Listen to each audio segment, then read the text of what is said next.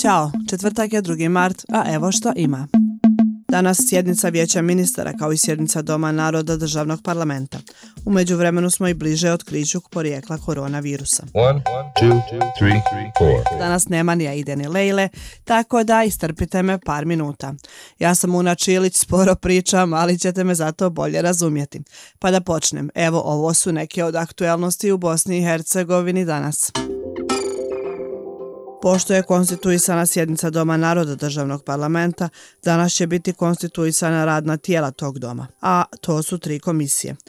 Ustavopravna, zatim ona za financije i budžet, te za vanjsku i trgovinsku politiku, carine, saobraćaj i komunikacije. Biće još nekih imenovanja da vas sad ne smaram s tim, ovo je dovoljno da znamo za sada. Uglavnom, ostanite u slobodnaevropa.org tokom dana donosimo sve najvažnije vijesti, među kojima i onu sa sjednice vijeća ministara koja će biti održana danas i ima oko 44 tačke. Neki od tačaka su razvoj za projekat unaprijeđenja kvalitete zraka, kao i prijedlog odluke da se usvoje minimalni standardi za kvalitetniju podršku žrtvama trgovine ljudima, posebno djeci. A evo i nove vijesti o porijeklu koronavirusa koji nam je život okrenuo na glavačke i ubio skoro 7 miliona ljudi. Možda smo korak bliže kao otkriću njegovog porijekla nakon što je direktor FBI-a Christopher Wray rekao da vjeruje kako je taj virus najvjerovatnije potekao iz kineske laboratorije koju kontroliše država. A onda je stigla reakcija iz Kine, čija je glasnogovornica Ministarstva vanjskih poslova Mao Ning rekla. Kina se čvrsto protivi bilo kakvom obliku političke manipulacije po pitanju praćenja porijekla. Na temelju slabe evidencije prevara i obmana američke obavještajne zajednice, zaključci koje donose nemaju nikakvu vjerodostojnost.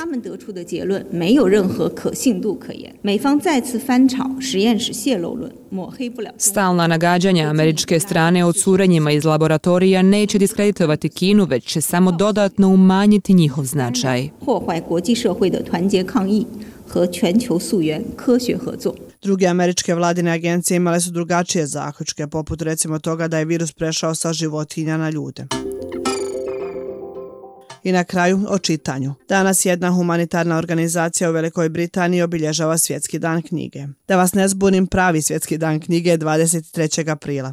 A ova organizacija zapravo danas promoviše čitanje radi zadovoljstva. Kažu da je čitanje zbog zadovoljstva jedan od najvećih indikatora budućeg uspjeha djeteta, zapravo mnogo veći od obrazovanja roditelja ili od prihoda. Navode kako samo 10 minuta čitanja na dan može uticati na uspjeh djece. A kad smo već kod knjiga, preporuke su uvijek dobrodošle.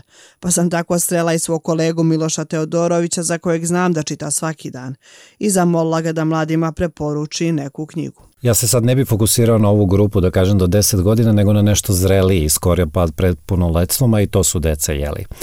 E sad, za taj a, formativni period mi se čini da je bitno da čitaju nešto što je zabavno, a istovremeno edukativno. I kada ste me pitale šta bi to moglo biti, odmah mi na pamet pao Sofijin svet Justeina Gordera. To je ta knjiga koja i uči, a i zabavlja, i atraktivna je, i zanimljiva je i sve. I evo priznaću da sam je ponovo pročitao pre neke dve godine. Uvek dobro dođe. Da su recimo Aida i Leila ovdje pitala bi i njih, ali ništa od toga. A sjećam se da je Leila u jednom od svojih podcasta Zip govorila da joj je sve jedno ili knjiga ili Kindle, a tad je razgovarala i sa piscem Damirom Karakašem. I na pitanje šta se događa sa društvima koja ne grade kulturu čitanja knjiga, Karakaš je rekao. Živimo u vremenu kada nam nikad nije bila potrebnija mentalna higijena u obliku knjiga filmova, kazališta, dobre glazbe. Osim toga, društvo koje nema kulture osuđeno je na propast. Pa je jadno i tužno gledati sve te novine, portale koji imaju rubrike novac, vjera, a nemaju rubriku kulture. Posebno u svemu ovome važna knjiga, ona je baza, od nje sve počinje i kad nestane knjige, nestaće i svijeta. Nažalost, oko sebe sve više vidim ljude kojima se u očima vidi svaka nepročitana knjiga. I evo, ostavljam vas u ovom danu sa ovom porukom i preporukom. Pa možda ostavite i mobitel na 10 minuta i uzmete neku knjigu. To bi bilo to za danas u šta ima. Dođite nam opet sutra na isto mjesto. Sa vama će biti Aida i Leila.